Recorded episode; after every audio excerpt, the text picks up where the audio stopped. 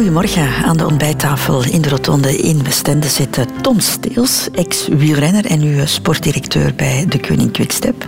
Goedemorgen, Tom. Goedemorgen. Een ex-sprinter ook. Ja. Dus dit is jouw favoriete landschap? Plat, plat, plat. Ja, ja, ja. ja. Mijn, mijn liefde voor de bergen was, uh, was er zeker niet. Nu zie ik de bergen wel liever, omdat ik er met een auto op kan. uh, maar nu, ja, nee, de bergen is, is, is voor landschap. Maar vroeger, ja, ik was te zwaar. Hè. Ik was, uh, dat was niet altijd mijn favoriete bezigheid. Ik heb daar veel moeten achtervolgen ook. Radio 2. De Rotonde met Christel van Dijk. Tom Steels, we gaan ons vandaag eens buigen over de afslagen die jij genomen hebt in het leven, de keuzes die jij gemaakt hebt. 48 ben jij er nu, hè? Ja. Heb je de indruk dat je op dat gebied een goed parcours hebt afgelegd, wat keuzes betreft? Ja, ik denk het wel. Hè. Ik denk dat dat ook een groot gedeelte bepaald geweest is door, uh, door het talent dat ik had heb. Ik bedoel, ik, uh, in sport van kleins af aan ging dat vrij goed, veel gewonnen. En dan dat legde het traject af dat je dus noods niet altijd uitstippelt, maar dat soms, soms gewoon voor je valt. Je gaat van, van de ene sport naar de andere en zolang dat goed gaat, blijf je daarin verder gaan.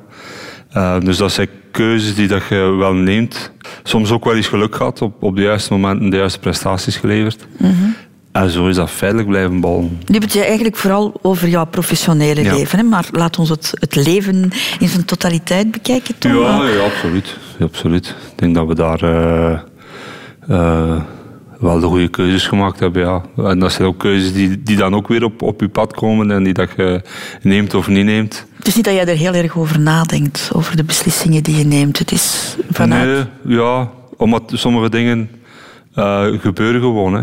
En je voelt je er goed bij en je gaat ervoor. Het is niet zo dat je daar uh, eindeloos over gaat nadenken of doen. Uh, ja, dat gaat van studiekeuzes naar, naar keuzes op sportief gebied, uiteraard ook thuis. Uh, mm -hmm. Trouwen, kinderen. Dat zijn keuzes die, die bij ons vrij natuurlijk gekomen zijn. En waar ik absoluut ook nog geen enkel spijt van heb, gehad heb. Ja. Kan ik zeggen dat jij misschien meer dan, dan andere mensen weet dat je in het leven ook niet altijd alles te kiezen hebt? En ik heb het dan over jouw dochter Lopke, waar we het straks uiteraard uitgebreider over gaan hebben. Maar zij is geboren met een, een, een zware beperking. Ja. Hè? Ja, nee. Uh, sommige dingen in het leven gebeuren. Hè. En dan is het uh, een kwestie van hoe dat je ermee omgaat. En hoe dat je dat beleeft. En hoe dat je daarin uh, in kan settelen. hoe dat je dat kan aanvaarden. Hoe dat je, dat, hoe dat je er zelf mee omgaat. Zonder dat het ook wel... zonder dat, dat je daar zelf in je eigen leven daar... daar uh, onder, onderdoor gaat is een groot woord, maar dat je daar toch leert mee omgaan. Wat zeker geen evidentie dat, dat zien we regelmatig rondom ons. Um, het leven is zijn grillen en zijn, uh, zijn ups en downs, maar je hebt zeker niet alles onder controle. Dat hebben wij uh, inderdaad moeten vaststellen ook wel. We gaan eerst eens kijken, voor we voortpraten, Tom, naar jouw Wikipedia-pagina. Want jij bent uiteraard een bekend persoon en dan, dan heb je dat, hè, zo gaat dat. En er staat onder meer dit op te lezen. Tom Steels, Sint-Gilles-Waas 2 september 1971, is een Belgisch voormalig wielrenner. Hij werd in 2011 ploegleider bij Omega Pharma Quickstep. Voilà, allemaal heel interessant. Er staat meer op natuurlijk ja. dan, dan dat. Maar ik mis hier een beetje de aanwezigheid van de kleine Tom. Hè, de, de Tom uh, voor hij bekend werd. Uh, maar we hebben dat opgelost. We hebben een nieuwe Wikipedia-pagina ja, ja. voor jou gemaakt, samen met Han Koeken. Tom Steels is geboren op 2 september 1971 en opgegroeid in Nieuwkerkenwaas als vierde zoon in het kroosterlijk gezin Steels. Maar kleine Tom was allerminst een kakkernestje, getuigt mama Jacqueline met trots. Dat was niet verwend. Nee, die is zijn eigen plan vertrokken. De andere kinderen bleven mooi in hun, in zitten, maar hij kroop er zelf uit. En niet alleen uit zijn tuileke of wipperke durft de kleine Tom te ontsnappen. Zijn twee jaar oudere broer Chris weet dat ze ook in de slaapkamer maatregelen moesten treffen om onze ontsnappingskoning in bedwang te houden. En Tom sliep in het kleine bedje en ik sliep in het groot. En over dat klein bedje was er meer van de reden, was daar een net gespannen, denk voor, voor niet uit te vallen of zo. Ondanks alles slaagde Tom er soms stiekem in om weg te sluipen, lacht broer Chris. Zoals die avond dat hij naar de kamer van de twee andere broers was geslopen. Zij luisterden altijd naar de radio en Tom was onder een van de broers zijn bed geraakt. En dan... Trok hij de prijs uit En, en dan begon die man, nee, Ivan en Danny tegen elkaar van, ja, alleen waarom zet jij die radio af? Ik zet ik die niet af. Ah, en dan begon Thomas zo heel hard te lachen, ik weet dat nog. De elkaar plagende broers waren bovenal een hecht team. Acht handen op één buik, getuigt mama Jacqueline trots. We hebben niet streng moeten zijn, want ze waren braaf. Dat is, de broederliefde, dat is, dat echt iets speciaals. En de brave broeders hadden één gemeenschappelijke hobby, en dat was paardrijden.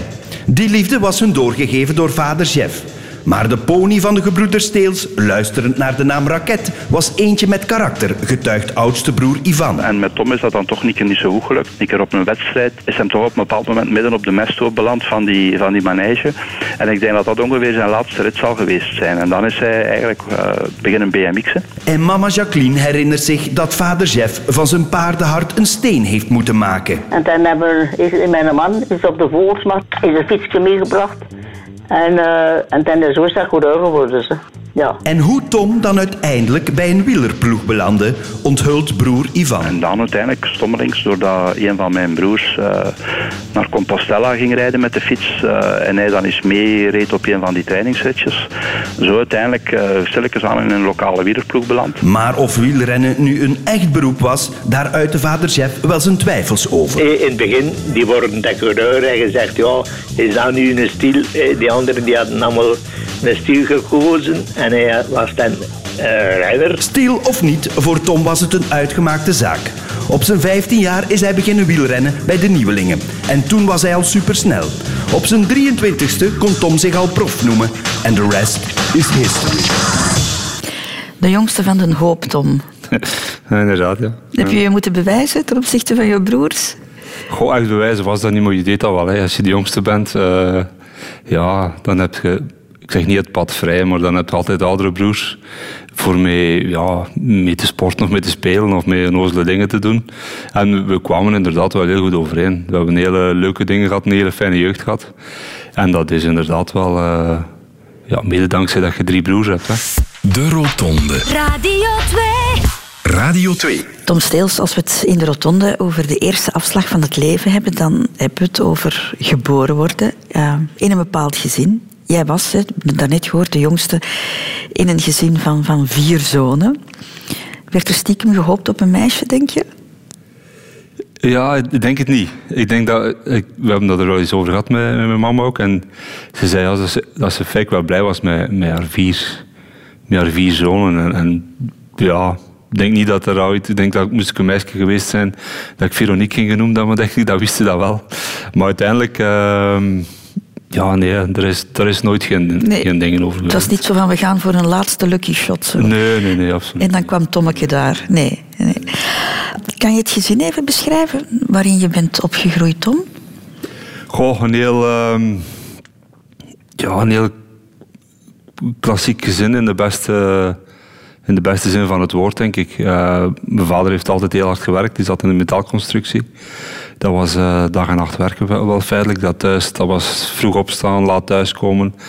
Dat was dan ook nog het hoofd van een, eh, een lasafdeling.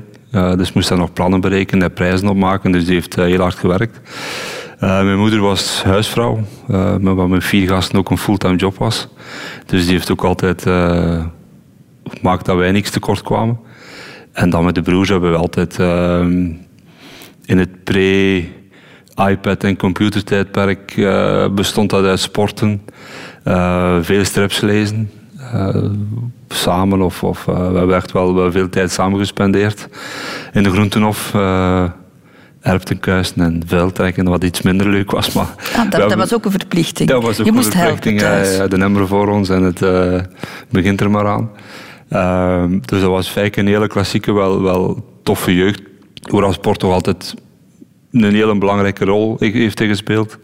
Qua ontspanning en qua, qua, qua ontwikkeling ook wel. Het klinkt zo bijna idyllisch, iets, iets van, een, van een ander tijdperk, bijna zoals je het beschrijft. Ja, ja je kan dat nu niet meer, uh, niet meer voorstellen. Hè. Er, er, er, waren ook wel momenten bij waar je inderdaad wel de verveling toesloeg. Uh, maar de echt klassieke jaren tachtig, uh, de tachtig jeugd. Hè.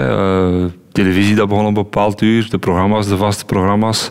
Maar we hebben wel enorm veel sport gedaan. We hebben ook enorm veel gekaart bijvoorbeeld, uh, wiezen en, en, en ja, het was echt een klassieke, eh, klassieke jeugd in die tijd dan. Uh, waar ook wel de paardensport inderdaad een hele belangrijke rol heeft gespeeld.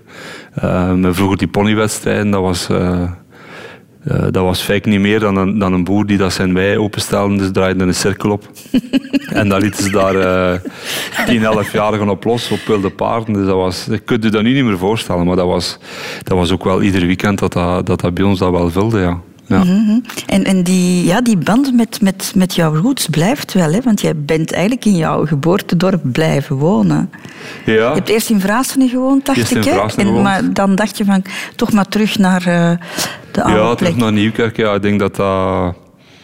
Ja, dat is ten eerste heel goed gelegen. Dat is, dat is een, ja, het, het dorpsgevoel bij ons zit er wel in. Samen met mijn één broer is verhuisd naar de Kempen. Voor zijn werk. Maar de ander, mijn andere broers wonen ook altijd nog in Nieuwkerk. Dus wij zijn daar inderdaad... eh, Dat is honkvast zijn dan toch? ja, toch wel, ja. ja. Wat voor mij wel leuk is, omdat je... ja, je- ik ben sowieso al van bij de jeugd toch wel vrij veel weg geweest. En thuiskomen was echt wel thuiskomen. Ik ik kwam niet thuis in een nieuwe omgeving. eh, in je eigen dorp. En, en het is ook wel een leuk dorp. Ik bedoel, eh, alles is dichtbij. eh, nu voor de gasten, de scholen zijn dichtbij. Je kan overal naartoe. En het is, het is, ja, je kent er ook wel veel mensen. Hè. Wat vonden jouw ouders belangrijk om jullie mee te geven in hun opvoeding? wat we meegekregen hebben is, is, het, is, is, is de, ja, de, de basisnormen. Respect voor iedereen, eh, respect voor elkaar, ehm, plezier maken. eh, toch wel het, ook wel een stuk het, het harde werken. Dat we dan ook wel gezien hebben van ons, ons vader dat we, dat we moesten doen. Maar we zijn ook wel heel vrij opgevoed. Er zijn weinig dingen dat we niet mochten. Dat, dat is een wereld dat feitelijk wel een heel beschermende wereld was. Hoewel je dan achteraf ook wel ziet dat dat niet bij iedereen zo geweest is. Ehm, maar wij hebben heel, een heel vrij leuke jeugd gehad. Feitelijk zonder grote problemen ook. Geen conflicten? Geen conflicten, weinig of geen conflicten, geen ruzie.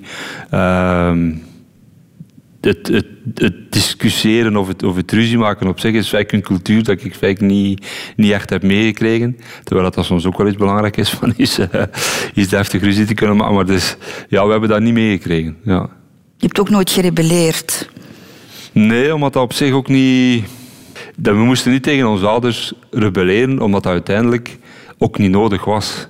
De vrijheid was er om dingen te doen dat we wilden doen. Klinkt een beetje saai, maar uiteindelijk is dat wel mooi geweest. Ja. Je hebt het woord braaf zelf in de mond genomen. Hè?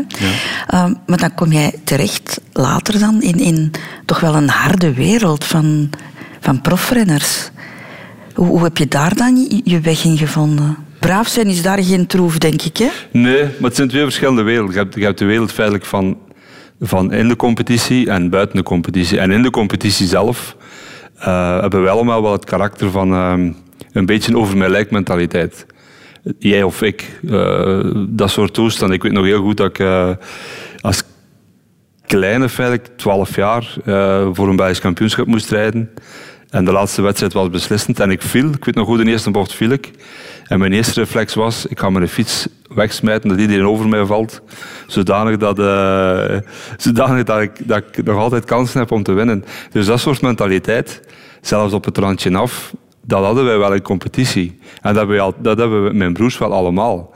Dus we zijn wel een stuk competitie competitiebeesten feitelijk, dat we wel graag een eh braaf ernaast, maar in competitie waren we zeker niet de makkelijkste. Ah, ja. En dat is altijd zo geweest. Het wielrennen, Tom Steels, dat is een van de grootste keuzes die je in jouw leven gemaakt hebt. Eh, misschien ook wel een van de merkwaardigste, want het zat niet in jullie DNA. Hè? Je hebt al gezegd, wij deden aan ponysport. Ja, ja, dat was absoluut niet, zelfs niet gepland dat ik ooit, ooit wielrennen ging doen. Het was zelfs ook nooit niet gepland dat ik, dat ik BMX ging doen. Eh, maar dan kwam er een parcours op een kilometer van ons, onze deur en dan begin je daar die sport te bekijken en dan, dan vertrek je daarin. En de leidraad in, in al de beslissingen van de sport eh, was meestal wel de prestatie. Het, het winnen is, is nu eenmaal verleidelijk om met iets verder te doen. En of dat nu in, in wielrennen zou geweest zijn of in een andere sport, als je in een sport wint, dan ga je daarin verder. En op de pony kon jij niet winnen. Op die pony, dat was een, eh, een onmogelijke combinatie. Nee, dat ging echt niet. Eh, nu moet ik ook wel zeggen dat eh, de naam is gevallen, Raket, een Shetlander, die dat toch wel het karakter hebben van vrij eigenwijs te zijn. En van zodra dat die voelden dat je dat niet onder controle hebt, ja, dat wordt een vogel voor de kat. Hè. Dan, uh, dan eindigde inderdaad soms al eens op een meststroop. Waar dan mijn broer dan binnen moest gaan voor zijn dressuurproef te doen. En die dat er uh, met een slappe lach aan begonnen is. En dat was een van de weinige keren dat ik, uh, ja, dat ik ermee begonnen ben. Hey, dat, dat ik dat ooit gedaan heb. En de fiets, dat voelde wel goed? De fiets, dat, was, dat ik zelf onder controle. fysiek ging dat goed.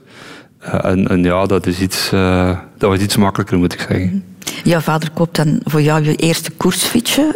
Als ik het goed begrepen heb, niet, niet meteen een super-exemplaar. Nee, absoluut niet. Um, en er is ook al wat tijd over gegaan. Ik ben toen gestopt met BMX'en, denk een jaar of, of, anderhalf jaar later, inderdaad, omdat mijn broer toen naar Compostela moest rijden, uh, is mijn vader naar huis gekomen met inderdaad een koersfiets, als je dat, dat kon noemen, van, uh, van, de, van, de, van in Antwerpen. Uh, maar dat was feitelijk een omgebouwde wegfiets. Uh, daar heb ik ook mijn eerste wedstrijden meegereden. maar dat, hey, dat is wel vrij vlug dan veranderd. Maar dat was inderdaad mijn eerste fiets. Veel te klein, rugpijn. nog, dat was niet echt een... Wanneer heb je voor jezelf beslist, dit wordt mijn toekomst? Hoe oud was je toen? Ik heb dat feit nooit niet beslist. Ik heb dat, uh, ik heb dat nooit niet 100 procent uh, als mijn toekomst gezien. Ik heb, ik, heb dat, ik heb dat altijd graag gedaan. Ik heb daar absoluut geen spijt van dat ik dat zo ver gebracht heb. Maar dat is altijd een proces geweest van, uh, van verder bollen. Zonder, zonder ooit het idee te hebben uh, van ik kan er mijn, mijn beroep van maken. Dat was uh, eerst natuurlijk de jeugdwedstrijden, dan, dan uh, via Patrick Sercu uh, hadden we de kans om naar de Olympische Spelen te gaan op de piste. Uh, toen zijn we naar de Olympische Spelen gegaan. Dan heb ik alles op de weg gezet. Maar dat was met horten en stoten. Ook klieskoorts gekregen. Dus totdat dan naar die merks belden. Uh, met opkomst van een... Uh, Vlaanderen 2002 was dat toen. Dus het viel een beetje uit de lucht dat ik prof ging worden. Ah, je hebt dat nooit echt geambieerd? Nee, ik heb dat dat leek een logische keuze, maar het is nooit niet zo dat dat vanzelf gegaan is. Het is meer dat hij belde en zei, wilde je prof worden? Ik dacht, ja, waarom niet? Ah ja, want je bent ook blijven studeren ja, en zo. Ook, je, ja. je hebt, uh... Dus ik heb uiteindelijk gezegd van, ja, waarom niet? En dat was natuurlijk... Uh, ja, dan is de bal beginnen rollen en, en 15 jaar niet meer gestopt. Maar het is niet zo dat je... En dat, misschien ook wel het feit dat je niet uit een wielerfamilie komt, dat alles, alle stappen dat je zet ook wel nieuw is. Weet je nog hoe je je voelde toen je die handtekening zette op je 23ste? Ja, toch wel met de nodige uh, schrik toch ook wel. Maar je wist ook, ik wist ook echt niet wat me te wachten stond. Um, omdat het profielrennen hebben we ook niet echt super gevolgd. Het is niet zo dat wij de grote klassiekers volgden wel, maar dat was echt een, een wereld die vrij ver afstond. Ja. Totdat je er dan inbolt. En als jonge, jonge gast, tussen allemaal jonge gasten, wat ook wel een voordeel was, want we zaten allemaal in dezelfde miserie in de wedstrijd, bij wijze van spreken, uh, was dat wel een heel mooi leerproces. En eens dat je daarin vertrokken bent, ja, dan is dat, dat was dat wel een mooie, een mooie avontuur. Hè. Maar het, gaat ook, het ging allemaal vrij snel, hè, want jij gaat al heel snel naar Mapei dan. Hè? Ja. Grote wielerploeg, met onder meer wie zat er op dat ogenblik? Museum, Frank van ja. den Broeke, uh, Tafi, Bunio. Ja. En daar zit jij dan tussen, zo. De jongen uit Nieuwerkerken. Ja, ja, ja. En gelukkig, gelukkig denkt je daar ook niet te veel bij na.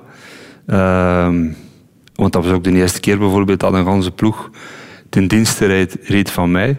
En dan moet je kunnen afwerken. Gelukkig lukt dat dan ook in de eerste wedstrijd. Maar het is pas achteraf dat je daar meer uh, druk van voelt dan in je eerste jaar. In je eerste jaar een bolt dat wel. Uh, het is alleen dat je op palmarès begint op te bouwen, dat je dat je last begint te krijgen van je eigen, bijna van je eigen palmares, omdat je mag uiteraard ieder jaar dezelfde prestaties moet kunnen leveren. Heb je jezelf dan moeten overtreffen om in zo'n ploeg mee te draaien? Als ehm, persoonlijkheid? Ja, ja, dat is wel ja, dat is uiteraard een proces geweest. Hè. Als je daar, uh, vooral ook het feit dat je vanuit een, uh, een heel beschermd gezin komt, dat je feitelijk heel, heel vlug heel veel met sport bezig, bezig geweest bent, dan mis je wel de, soms de, de assertiviteit wel om je plaats te gaan opeisen als nodig is.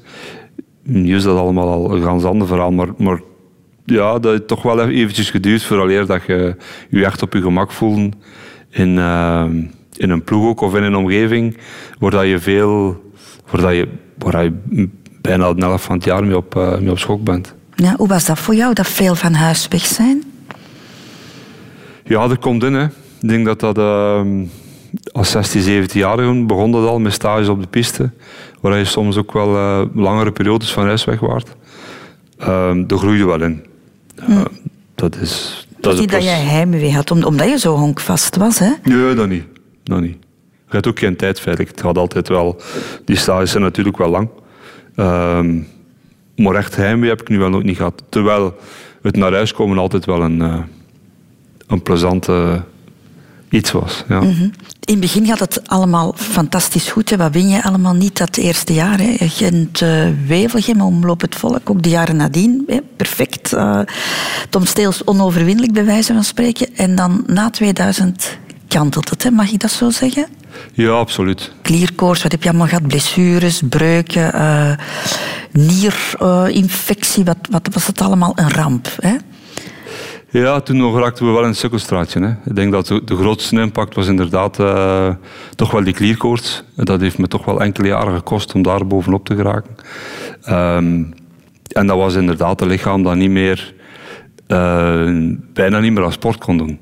Moet je dat voorstellen dat je versterkt op training, dat je na vijf kilometer moet terugkomen aan 20 per uur, omdat je gewoon de energie niet meer hebt om, om, eh, om te fietsen. Uh, dan volgt een rustperiode, dan volgt daar uh, periodes van herbeginnen um, en terug moeten stoppen. En dat is niet Natuurlijk, hè, al die teleurstellingen, hoe, hoe ga je daarmee om? Goh, dat heeft toch wel een kansje boordje geweest, inderdaad, om te stoppen ook. Om, omdat het... Je kan mij, mij ook wel een stuk ongeloofwaardigheid van je omgeving op een gegeven moment. Dan zeker de, de, de sportieve... Hoe bedoel je? Om... Ja, omdat je uiteindelijk... Op een gegeven moment was er in de bloeduitslagen weinig of niks meer te zien. Uh, maar toch functioneerde ik er nog niet. Toch kon ik nog niet langer dan, bij wijze van spreken, drie weken trainen zonder een terugval te kennen. Uh, periodes, periodes van... Op een duur waren dat periodes van een maand of twee maanden, waar je dan nog vrij goed kon presteren. Maar dat moment kon in één keer omkantelen en dat kon er echt niet meer vooruit. En dat is, dat, is, uh, dat is soms heel moeilijk uit te leggen. Dat was heel moeilijk uit te leggen aan de ploeg. Waar je ook zonder bewijs kunt staan van kijk, dat gebeurt er, dat is de reden waarom. Begon je dan ook aan jezelf te twijfelen op, op dat ogenblik? Ja, je voelde dat, dat je, iets, ja, ik, je voelde dat je iets had dat je niet, niet kon sturen, dat je niet onder controle had. Um, je kon wel trainen, maar ook, ook weer niet. En het kantelpunt was altijd heel plots. En dat is heel moeilijk te beschrijven. Dat is... Uh, dat is... Uh, ja... Je kunt, je kunt dat zelfs ook, ook niet begrijpen, dat je uh, op woensdag een training kunt doen van 200 kilometer en dat op, op, op vrijdag, bij wijze van spreken, geen 20 per kilometer per uur niet meer kunt rijden. Ga je dan niet kwaad om, Tom? Goh, kwaad op je lichaam? Ongerust wel een stuk, een stuk, een stuk frustratie wel. Kwaad op jezelf, ja nee, omdat je dat... Je berust daar ook wel in dat dat niet, dat niet is, maar gewoon een oplossing. Um, in de meest brede zin van het woord, tot, uh, tot het ergste moment dat je, dat je zo diep zat dat je, dat je een wiggelaar in huis nam. En, en zo, je begint de zotste dingen te doen, omdat je denkt van, er moet toch iets zijn dat je... Een wiggelaar? Een wiggelaar in huis gaat. Dus dat dan overal oude blokjes begon te hangen. En, en dat je denkt van, achteraf denk je dan van, allee. Maar dat je, je, zoekt, je zoekt gewoon al vast. Om ergens, ergens terug vooruitgang te boeken. En dan moet ik eerlijk zeggen dat ik dan wel iemand tegengekomen heb. Uh, ook met, met vermogenmetingen en analyseren van vermogenmetingen. En dat heeft toen wel zijn waarde bewezen. Toen kreeg de zwart op wit op papier dat het beter begon te gaan. Uh, ja, ook, ook, mijn eigen eten beginnen meenemen. Uh, je raakt wel, wel heel, heel hard verstrengd gewoon en je terug gezond worden. Mhm. Mm -hmm. en dan moet het, dat, ja, dat doe je dan een stuk op je eigen wel en je zoekt en je zoekt en je zoekt. Totdat je voelt dat feitelijk de motor terug op gang is of het lichaam terug, terug brandstof heeft om verder te gaan. -hmm. Maar het is niet alleen die klierkoorts geweest, ook de blessures, de breuken. En, enfin, het is een, een persoonlijke strijd die, die je dan voert met je lichaam, maar ook binnen de ploeg, denk ik toch wel. Want je status verandert dan toch? Ja, als ja. het slecht gaat. Ja, zeker. Als je komt terug naar een periode, dan heb ik... Uh, terug twee goede jaren gehad, waar ik voelde van oké, ik kan terug een stap hoger zetten. Dan ben ik terug bij... Toen was dat Davita Malotto geweest, uh, gegaan voor drie jaar. En dan kwamen inderdaad die, die, zware blessures. En ik ben nog altijd... Aan de ene kant blij dat dat op het einde van je carrière gebeurt, want dat is op, in het begin van je carrière gebeurd en heb je nooit geen carrière gemaakt. Maar dan word je eigenlijk van een van de speerpunten, word je tweede rangs renner, mag ik het, ja, mag ik het zo ben zeggen? Je, ben je een renner die de nummer 8, ik bedoel, die, dat, uh, die dat dan terug, uh, terugknokken is. Het voordeel toen was, als ik dan terug in competitie kwam, dat ik ook wel fysiek vrij goed was. Nog niet direct voor massaspurten te doen. Maar je kunt je toch al een, een gedeelte ten dienste stellen van de ploeg. Je kunt inderdaad water, je kunt drinken gaan halen, je kunt iets op kop rijden. Dus je voelt nu fysiek wel al terug wel beter. Maar het spijtige is dat ik het gevoel had dat je toch wel terug dicht bij die top zou kunnen aansluiten hebben, maar dat altijd wel vrij uh, abrupt mm. onderbroken is. Maar wat ik wil weten, hoe moeilijk is het om die machtspositie af te geven? Goh, ja, het, de moeilijkheid is, je hebt een zekere status en op een gegeven moment wilde dat terug laten kantelen. Uh, en dan weet je dat je terug moet winnen en dat lukte niet echt. En dan weet hoe kwetsbaar je bent. En je wil niet dat ze, dat een soort medelijden krijgen met je. Ik bedoel, het is topsport, je weet hoe hard dat, dat is. Maar je kunt je, plaats niet meer afdwingen. En dat is inderdaad wel vooral moeilijkst voor jezelf toch wel. Omdat je, je, je leven op die moment, je krijgt dat niet terug in gang. Dat is niet, gepresteerd wel, maar toch niet genoeg om, uh, om, om uiteindelijk terug aanzien te worden als degene die dat inderdaad wel de, de, sprinten kan winnen. Dus je zet daar toch, je, je, je voelt dat je je plaats binnen de wielrennen een stuk kwijt bent. Je bent dan op je 37e gestopt. Nu ben je ploegleider bij, bij Quickstep uh, de Koning. Al wat van naam veranderd. Maar heeft het feit dat je die kwetsbaarheid van, van je lichaam en dat je dat zelf ervaren hebt, helpt dat ook om van jou een betere ploegleider te maken? Ja, absoluut. Ik denk dat dat uh, nu als ploegleider, die periode dat ik meegemaakt heb, je kunt je perfect inbeelden wat iemand meemaakt die dat eruit gaat. Die dat gekwetst is, die dat moet terugkomen, die dat moet... Uh... En het enige dat je ervan leert, als een renner iets zegt, dat je dat altijd als serieus neemt. Dus als een renner zegt, ik voel me niet zo goed, dat je niet de neiging hebt om te denken van, ja, kom aan, morgen zal het wel beter zijn, of dat gaat wel meevallen. Je neemt dat wel als serieus. Omdat je weet, zelfs onafhankelijk van de wedstrijd dat ze inzetten, dat soms ze eruit nemen een maanden miserie kan besparen. Je moet een beetje psycholoog zijn, want ik kan me voorstellen dat jij heel goed weet hoe overweldigend de druk en, de stress ook kan zijn hè? voor, voor zo'n renner. Ja, dat is, dat is het voordeel van, uh, van op alle lagen iets gezeten te hebben van uh, wat je kunt zitten binnen een wielerploeg. Ten eerste, een renner is op zich al enorm veel druk. Uh, maar dat je dan als, als ploegleider dat ten eerste niet gaat verhogen. Sommige mannen moeten, al eens, uh, moeten wel al eens scherp zetten. Maar bij de meeste mensen is er, of bij de meeste renners is de druk zo hoog dat je dat inderdaad gewoon wilt, wilt weghalen. Mag ik in dat verband over druk even naar het drinkbusincident ah, gaan, Tom Steels? Spijt me, hè? maar moet toch even doen, hè? 97, uh, eh, rit in de Ronde van Frankrijk. Jij wordt gehinderd, je dacht door uh, Moncassin. Het was uh, hem uiteindelijk niet. En jij gooit je bidon naar hem. Hè? je gebeurt geen ongeluk, maar je moet wel de Tour verlaten. Iedereen zei van dat past niet bij Tom Steels, zoiets. Nee, omdat inderdaad, zoals je juist gezegd hebt, het verschil tussen buiten en in de koers wel groot is. Uh, nu moet ik ook wel zeggen, toen ben ik die Tour ook ingestapt met ook wel mijn mentaliteit van dat gaat hier wel lukken. Ik bedoel, de eerste keer een tour en die vertelt verhalen van een tour, dat dat zo druk is en, en dat dat moeilijk is. En, maar uiteindelijk denken van oké, dat is een, wedstrijd gelijk een ander. Ik ga dat doen uh, like alle andere wedstrijden. De eerste rit denk ik word ik tweede, dus dan denk ik ja, die overwinning gaat wel volgen.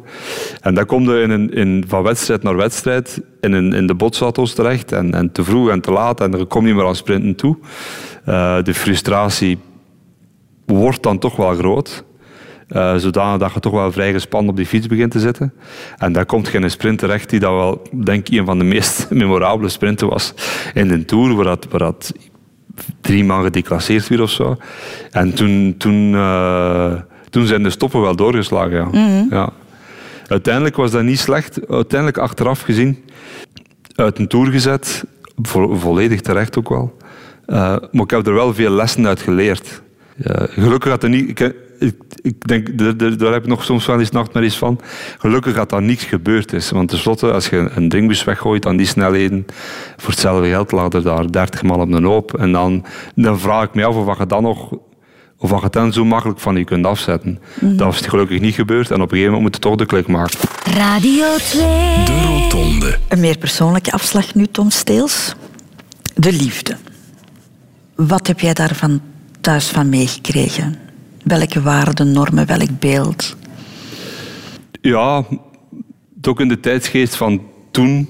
eh, ja, gewoon, ik denk dat mijn ouders ehm, toch wel heel veel om elkaar hadden. Maar het tonen, als de kinderen erbij waren, dat was er dikwijls al niet bij.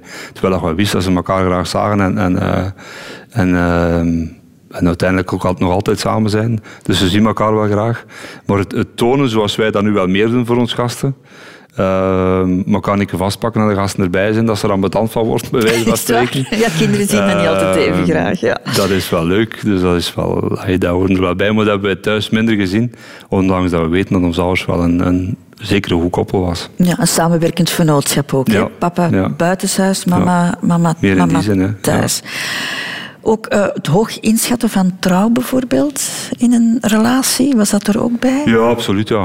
Ik denk dat wij thuis ook nog niet eh, iets anders gezien hebben. En dat is nu nog altijd zo. Ik denk dat je in een relatie stapt, dat je daar absoluut wel vol voor moet gaan. Zeker als er ook kinderen aan te pas komen.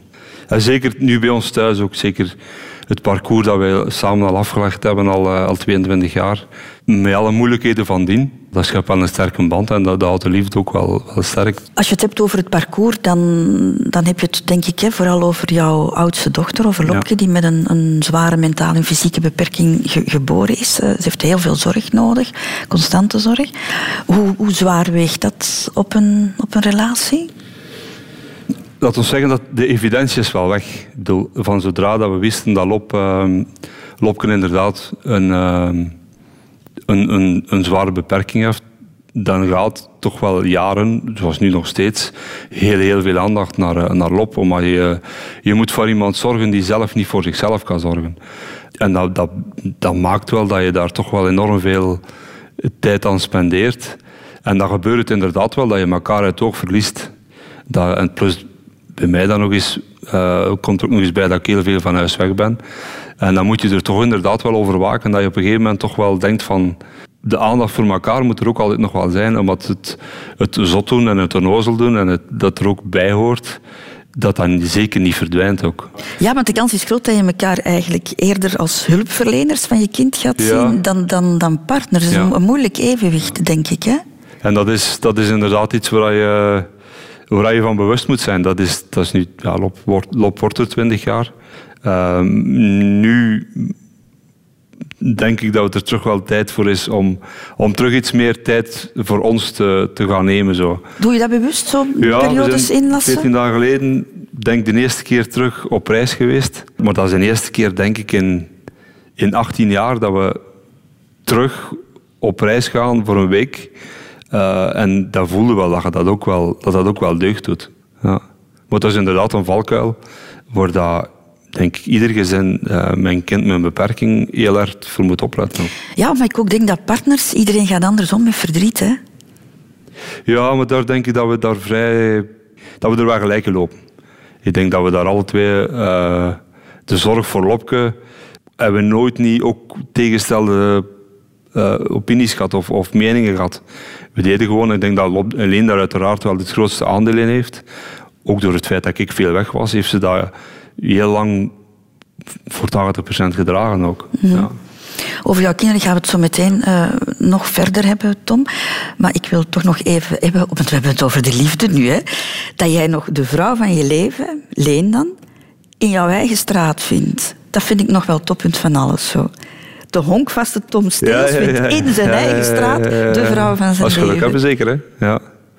Ja, nee, nee, dat is, ja ook, ook eh, die ouders dan naar de wedstrijd begonnen komen en, en, en Leen was er dan ook af en toe bij en, en ze viel wel op. Ik bedoel, het is een grote, blond haar, eh, een grote mond, eh, dus ze viel wel op. En dat heeft feitelijk vrij vlug geklikt.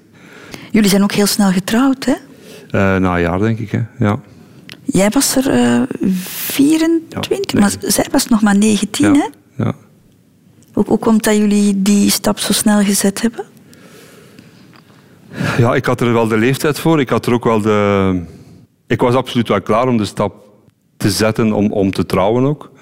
Eh, alleen ook wel, ondanks haar eh, vrij jonge leeftijd. En dat is feitelijk een beslissing.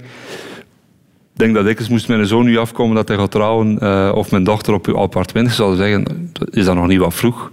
Maar bij ons is dat eh, feitelijk, hebben we daar ook ten eerste ook niet bij stilgestaan. En ten tweede paste dat ook wel in het plaatje. Ik denk dat zij er ook wel klaar voor was op- om op haar eigen benen te staan.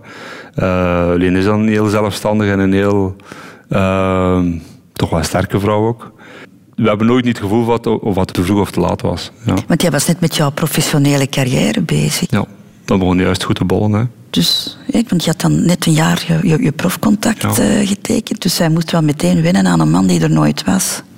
Ja, vandaar ook dat, dat, eh, dat gelukkig Leen ook wel een sterk karakter heeft. Want eh, het is niet evident, en zeker dan op de jaren die volgen, heeft zij ook veel alleen moeten doen. Heeft zij veel alleen moeten dragen ook. eh, omdat je inderdaad wel veel weg bent. En tussen een telefoongesprek of thuis zijn is nog een gigantisch verschil, dan een wereld van verschil. Eh, en dat is ook wel het geluk dat je zo iemand ontmoet, omdat je daar anders...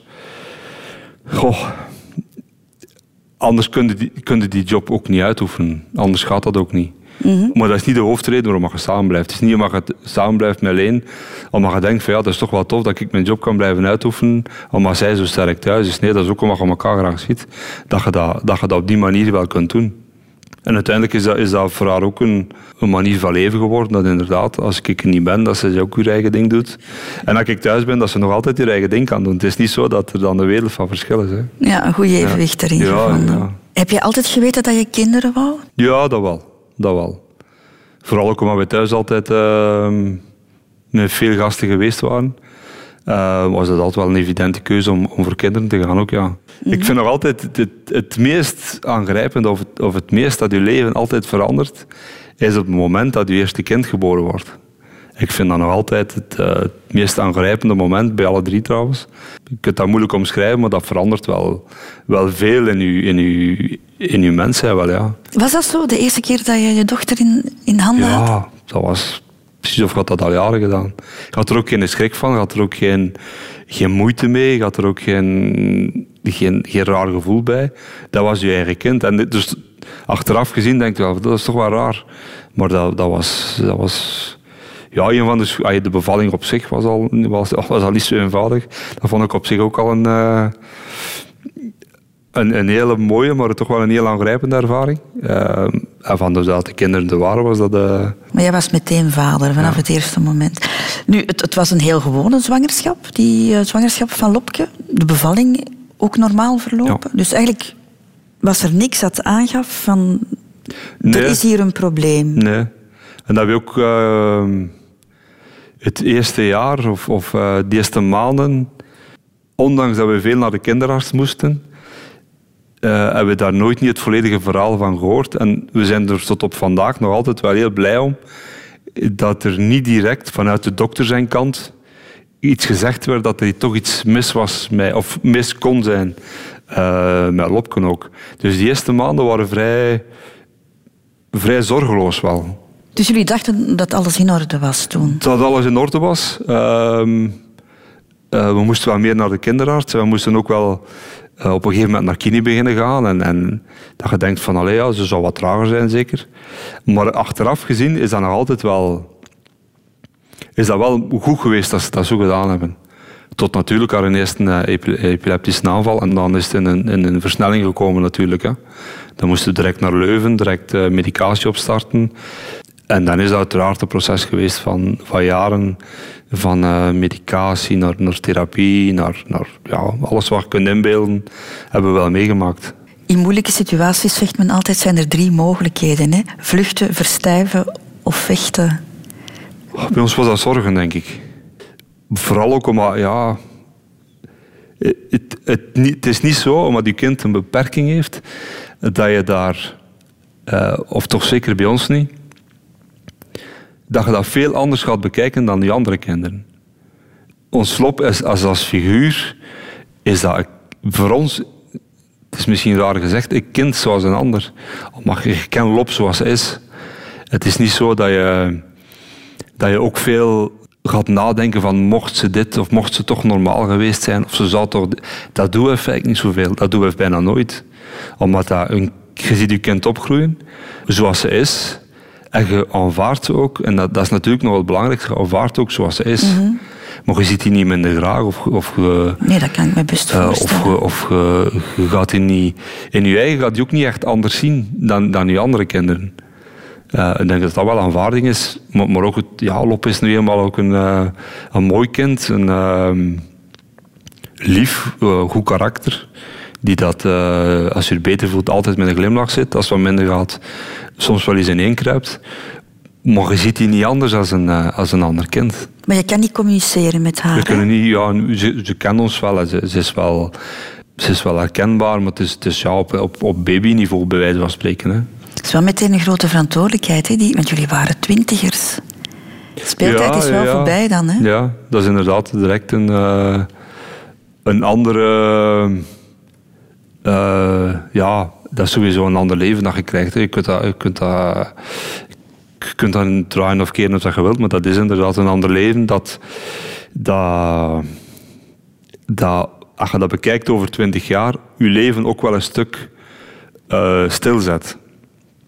Omdat er eh, buiten huis gaan, op reis gaan, de dingen doen die dat je toch wel feitelijk in, in de jonge jaren veel zou kunnen doen, dat, stil, dat stopt. Dus dat, dat, stopt gewoon. Dus je kunt, niet, je kunt geen verre reizen maken, je kunt geen eh, andere dingen gaan ontdekken. Uw wereld speelt zich wel heel, heel, erg af binnen uw eigen huis. Eh Lena niet kan gaan werken, dat ook een, stuk van haar leven toch wel... eh ja, opofferen is, vind ik geen woord. Maar ja, dat gedeelte wel zorg gedragen heeft voor Lop ook. Eh, wat ook absoluut nodig was, want aan je werken dat ging er zeker niet bij. Maar dat zet je leven wel op, op een stuk, stuk hold, ja. Hoe lang heb je erover gedaan, Tom, om, om dat te accepteren? Ehm, ja, ik, ja, ik heb Lop altijd aanvaard zoals ze is. Dat klinkt een beetje, ja, misschien wat, wat raar, maar dat is ook wel zo. Ik heb me daar niet moeten overzetten dat, dat Lop een beperking had. De aanvaarding van Lop zoals ze is, is, is toch wel vrij snel gegaan. Vooral ook omdat wij nooit niet de, de, veel de gedachte gehad hebben van, ja, God, het is toch wel spijtig, want nu zou ze in het zesde zitten, of nu zou ze in het zevende zitten, of soms is dat wel een keer dat je een brief krijgt van stad, eh, voor, eh, eh, zeker in het begin was dat, voor de eerste schooldag, en dan is het van, ja, oké, kom maar man, dat is nog niet echt hetgeen dat we nodig hebben. Maar Lop was op zich wel een heel vrolijk kind. En voor uzelf, ja, het enige dat, dat u altijd pijn doet, of, of dat, je, dat je het meest van afziet, is dat je ziet dat er iets mis is met je dochter, maar dat je niet weet wat dat is. De, de duizenden vragen, zoals, ze, zoals ze buikpijn hebben, of zoals ze, zoals ze pijn aan hun vinger hebben, of zoals ze hoofdpijn hebben, of je weet het niet. En dat zijn de vragen dat je, dat je soms wel eens gek van weer ook. Over de jaren heen gaan ze dat nog beter leren kennen en, en weten nu ook wel soms al iets het zal dat zijn. U kunt een dag geven, is opgelost. Eh, maar het, het niet begrijpen van uw, van uw dochter op het moment dat ze pijn heeft, dat is wel een heel ambetant. Tom Steels, we hebben het, daarnet al, enfin, we hebben het al veel gehad over, over Lopke, hè, over jouw oudste dochter, die een, een, een zware fysieke en mentale beperking heeft. Ehm, heeft dat jullie doen twijfelen om de stap te zetten naar een tweede kind? Ja, dat heeft toch wel, ehm, dat heeft toch wel even geduurd. Dus daarom had er toch wel enkele jaren zijn overgegaan. Vooraleer dat je de stap zet naar een tweede kind. Waar je dan inderdaad niet het risico wilt lopen om, om terug een tweede kind te hebben met, met een beperking. Was dat risico er? Eh, nee, op een gegeven moment was dat niet meer. Nee. Dus dan wisten we dat het in feite niet, eh, niet genetisch was. En dat maakt dat je, dat je inderdaad wel voor een tweede kind kunt gaan. Maar het is niet zozeer... Ja, inderdaad de schrik om, om een kind met, een beperking... een tweede kind te hebben. Maar vooral in de, in de eerste plaats ook voor het kind zelf. Eh, als je ziet hoe dat op soms kon afzien, dan wil je dat risico niet nemen vanuit je eigen... eh, uit ten eerste zou misschien ook geen tweede kind kunnen dragen hebben nog met, met een beperking, maar ook voor het kind zelf is dat echt geen cadeau om, om, eh, om op die manier soms te moeten afzien eh, dat niet nodig was. Maar gelukkig is dat, is dat goed gegaan en onze Rune en zijn gekomen. En na een derde kind was het gezin compleet. Dat was het genoeg geweest, ja. Kan ik zeggen, Tom, dat jij toch wel een ongelooflijke inzet ook getoond hebt voor, voor, voor jouw kinderen? Om maar met uh, Lopke te beginnen. Jullie hebben een aantal jaren een, een VZ2 opgericht. Hè? Ja. Om een, een, een huis te bouwen waar zij samen met andere kinderen met een beperking nu verzorgd wordt. Bij mij was het het grootste idee van ehm, een kind waar je zoveel zorg voor gedragen hebt, zoveel jaren. Van die, eh, je weet dat je die sowieso niet, je kunt die niet altijd thuis houden, want om een uur eh, wordt dat thuis ook soms moeilijk om dragen en je wilt toch ergens nog, toch ergens nog wel wat vrijheid creëren om terug, terug zelf dingen te gaan doen. Maar waar gaat ze dan onderbrengen? En het idee was er inderdaad van, mijn hoofdidee was, ik wil mijn dochter ten allen tijde kunnen zien. Of dat nu 's morgens om 7 uur is, of dat is 's s'avonds om 10 uur. Als ik mijn dochter wil zien, wil ik ze kunnen bezoeken. En dat is in, in, in de klassieke voorzieningen soms ook wel begrijpelijk, niet altijd haalbaar. Uh, door de drukte of door de, uh, dat je er ook geen duiventil van kunt maken. Um, en dat was feitelijk bij, bij veel mensen binnen Bijs. Zo heet jullie ja, uh, organisatie, onze, VZ2. Ons huis, ja. Een grote insteek van feitelijk baas te kunnen blijven over je eigen kind, maar vooral ook thuis te zijn op de plaats waar dat je kind ook verblijft. En dat is uh, rond de kampvuur ontstaan, dan volop op een trein terechtgekomen dat Fijk zes jaar niet gestopt is, om dan uiteindelijk nu, nu bijna het tweede jaar open te zijn. En te zien dat het ook wel geeft wat je ervan verwacht had. Mm. Dat je er inderdaad ook thuis bent, dat je daar inderdaad ook, als er een lamp kapot is, de lamp kunt gaan vervangen, dat je er kunt blijven slapen als het nodig is, dat je er echt wel thuis bent. Ik stap bijst niet binnen met het gevoel van ik ben niet, ik hoor hier niet thuis. Je stapt een tweede thuis binnen eigenlijk. Ja, ik stap echt wel een tweede thuis binnen. Dat is uh, aangenaam om vertoeven, dat is een stuk ontspanning zelfs ook. Hetgeen dat je ervan verwacht hebt, is voor mij absoluut wel uitgekomen. Had je ook schuldig gevoeld, Tom? Mocht je haar in een zorginstelling geplaatst hebben? Goh, ik zou dat, ja, ik zou dat toch wel een hele moeilijke gevonden hebben, ja. Je, je laat daar een stuk los en je zet een stuk... Controle is niet, maar de, de, een, een, een stuk je eigen inbreng van je dochter wel kwijt. Vooral het, het, het niet kunnen zien wanneer je wilde, dat vind ik toch wel een hele belangrijke. Of het, of het mee, blijven, mee blijven verzorgen van je eigen kind. Like nu ook, als, als er iets moet gebeuren of zo, dan ik, kan ik nog altijd de verzorging van op wel even op me nemen. En dat is, dat is altijd wel een leuke. En het is niet zo dat je daar ook niet alle dagen binnenstapt. Maar je weet wel dat het kan. En we zitten er wel vrij veel, maar je weet wel dat het altijd kan. Als ik s'nachts iets wil binnenstappen, stap ik s'nachts binnen. Met respect voor degenen die er werken, want hey, tenslotte moeten die mensen ook hun, hun, werk kunnen blijven doen. Maar de vrijheid is er wel om dat te doen. Maar typeert jou toch ook wel een beetje, het, het, het heft in, in eigen handen nemen, oplossingen zoeken. Ik, ik denk dat bijvoorbeeld hè, voor jouw zoon Rune heb je toch ook op een bepaald ogenblik een eigen voetbalploeg voor hem gestart. Ja, ook samen met mensen. Hè. Maar dat, dat is inderdaad op een gegeven moment uh, is er dan ook wel een anti club opgestart. Even, even schetsen misschien. Jouw zoon Rune heeft een autisme spectrumstoornis. Ja. Zo ja, noem je het, hè? Ja. Waar je al direct mee moet bijzeggen dat um, de wonderwereld van autisme ook een is met, met duizenden verschillende soorten. En ja, het gaat goed met hem, hè? Het gaat goed met hem, ja. Hij doet dat goed een heel, een heel toffe kerel die dat feitelijk groot gedeelte van zijn leven zelf in handen heeft genomen. Altijd goed beseft van ja, nee, nu is het moment om echt wel mijn karries te draaien of er zelf voor te gaan. En dat uiteindelijk wel een heel, een, toffe kerel is. Uh, af en toe is met een handleiding, maar, maar wel met een gigantisch goed hart. Die mm -hmm. dat uh, het leven goed, goed tegemoet gaat. Maar uiteraard ook met, met bepaalde valkuilen waar je hem waar hij altijd nog van bewust moet zijn. Ja. Ik vind het wel knap van jou dat je op een bepaald moment dan zegt van ik ga daar een voetbalploeg, een eigen voetbalploeg voor oprichten. Toen was hij nog veel kleiner, hè, Tom? Ja, ja toen was hij nog wel kleiner. Hè. Ja. Ja, nee, omdat je ontmoet mensen en, en die willen dan hun schouders ermee onderzetten. En uiteindelijk is dat, uh, was dat vertrokken. En dat, dat stelde dan ook wel vast dat er enorm veel vraag achter was. Als je ziet hoeveel mensen dat er dan opeens op afkomen. Het idee van sport in sportclubs is altijd heel competitief ingesteld. Zoveel sporten zijn er niet dat, dat je kunt zeggen, mm. zeker niet in clubverband, dat je kunt zeggen, nu, dit doen we nu echt enkel voor plezier. Zoveel is dat niet. En dan zeker voor, voor kinderen met, met autisme al zeker niet. Die hebben al een, eh, sowieso al moeilijk om een draai te vinden in een groep. Maar wat je daar wel vaststelt is dat je die dan allemaal op zich samenbrengt. Dat er een dynamiek ontstaat die dat wel mooi is om te zien.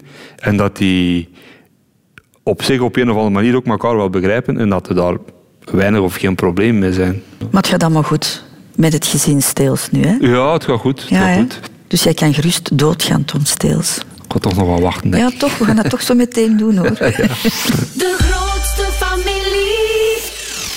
Radio 2. De laatste afslag al, Tom Steels. En dat is doodgaan. hè? Ja. 48 ben jij er nu. Denk je er al wel eens over na? Over doodgaan op zich niet, maar wel dat het inderdaad wel enorm snel gaat. Ja.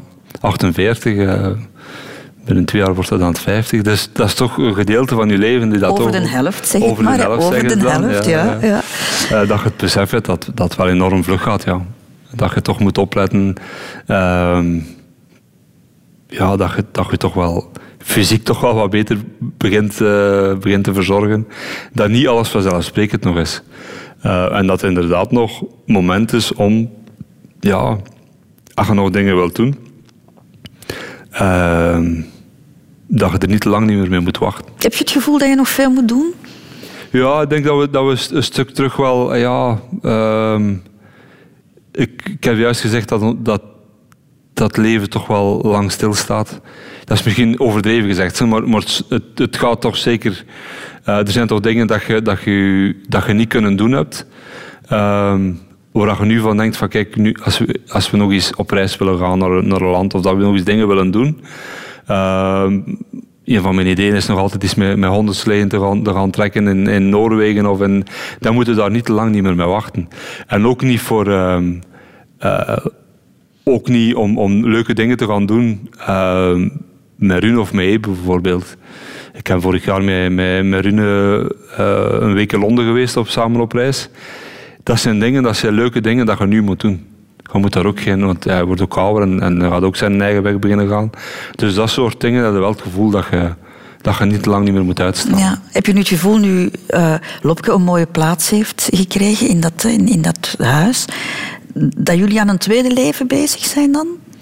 Ja, dat je vooral de, de ruimte dat je, dat je krijgt, dat je die moet gaan invullen.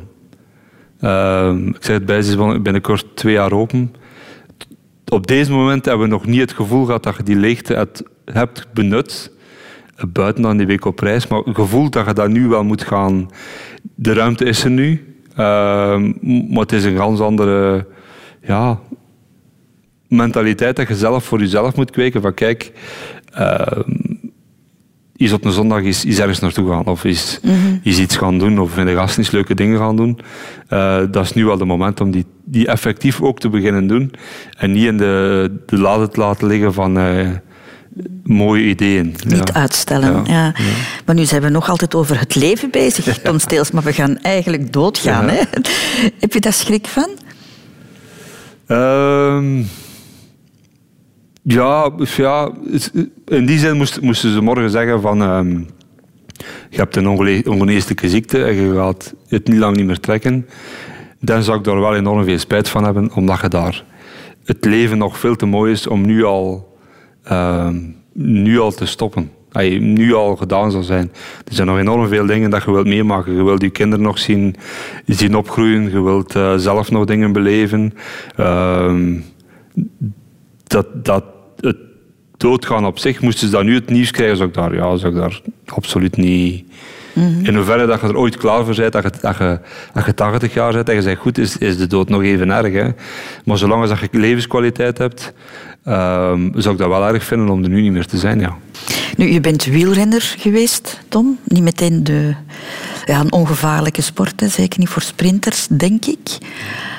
Is die gedachte ooit bij jou opgekomen, terwijl je aan het koersen was, van...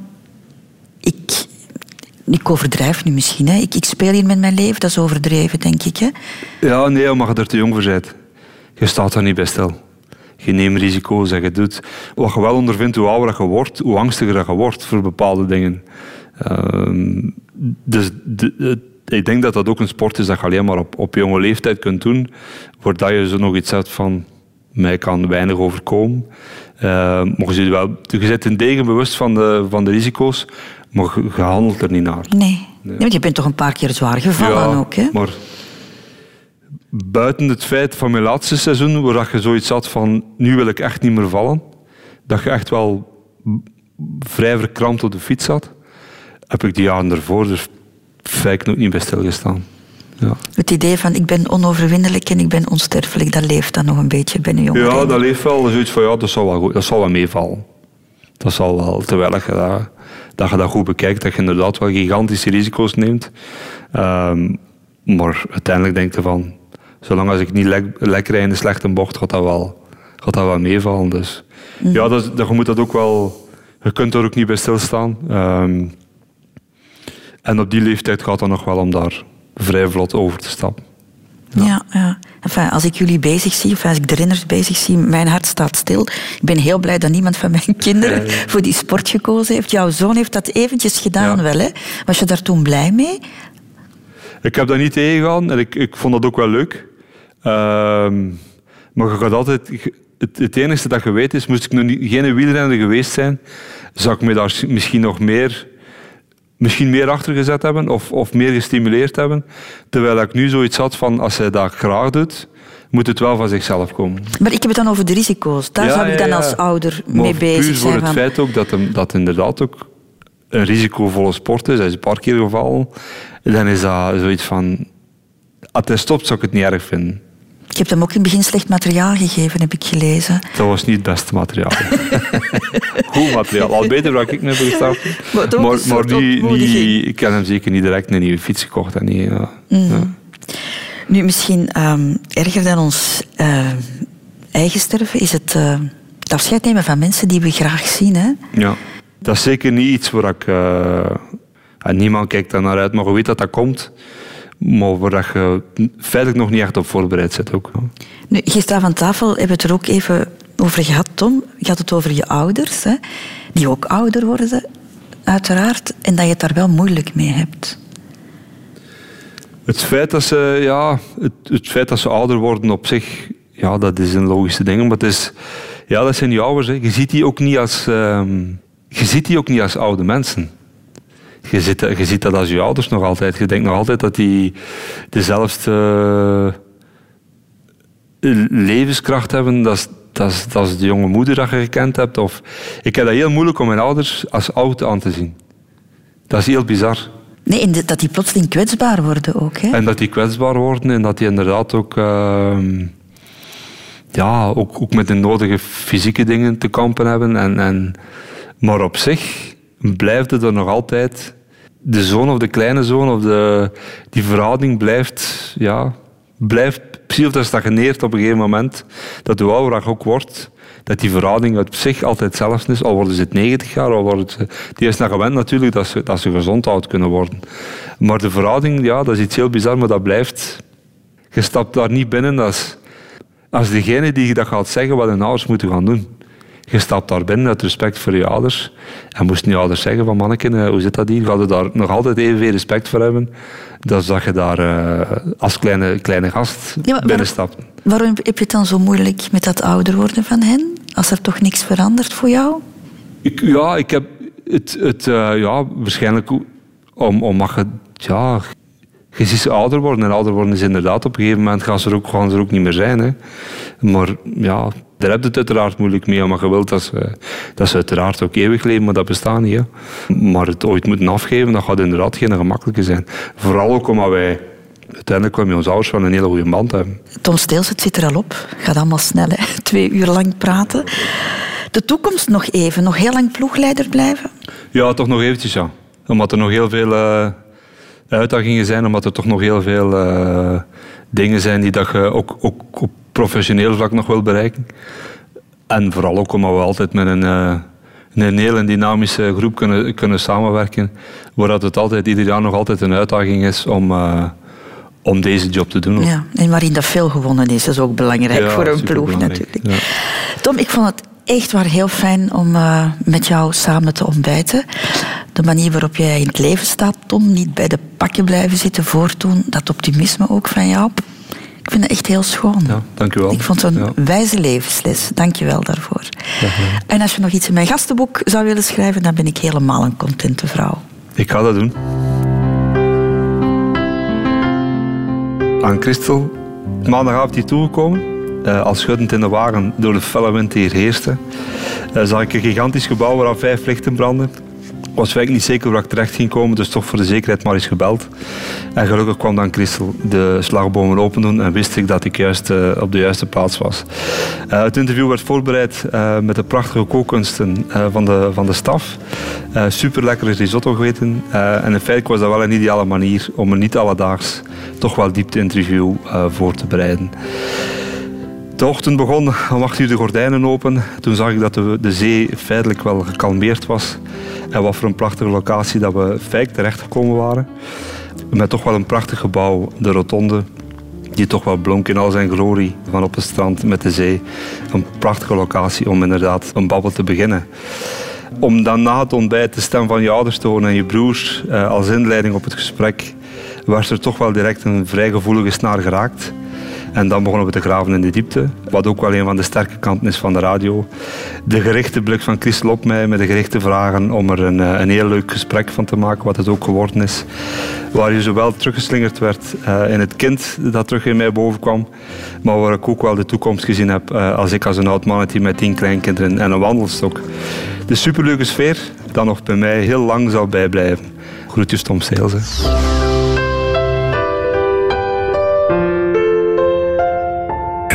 Hè. Radio.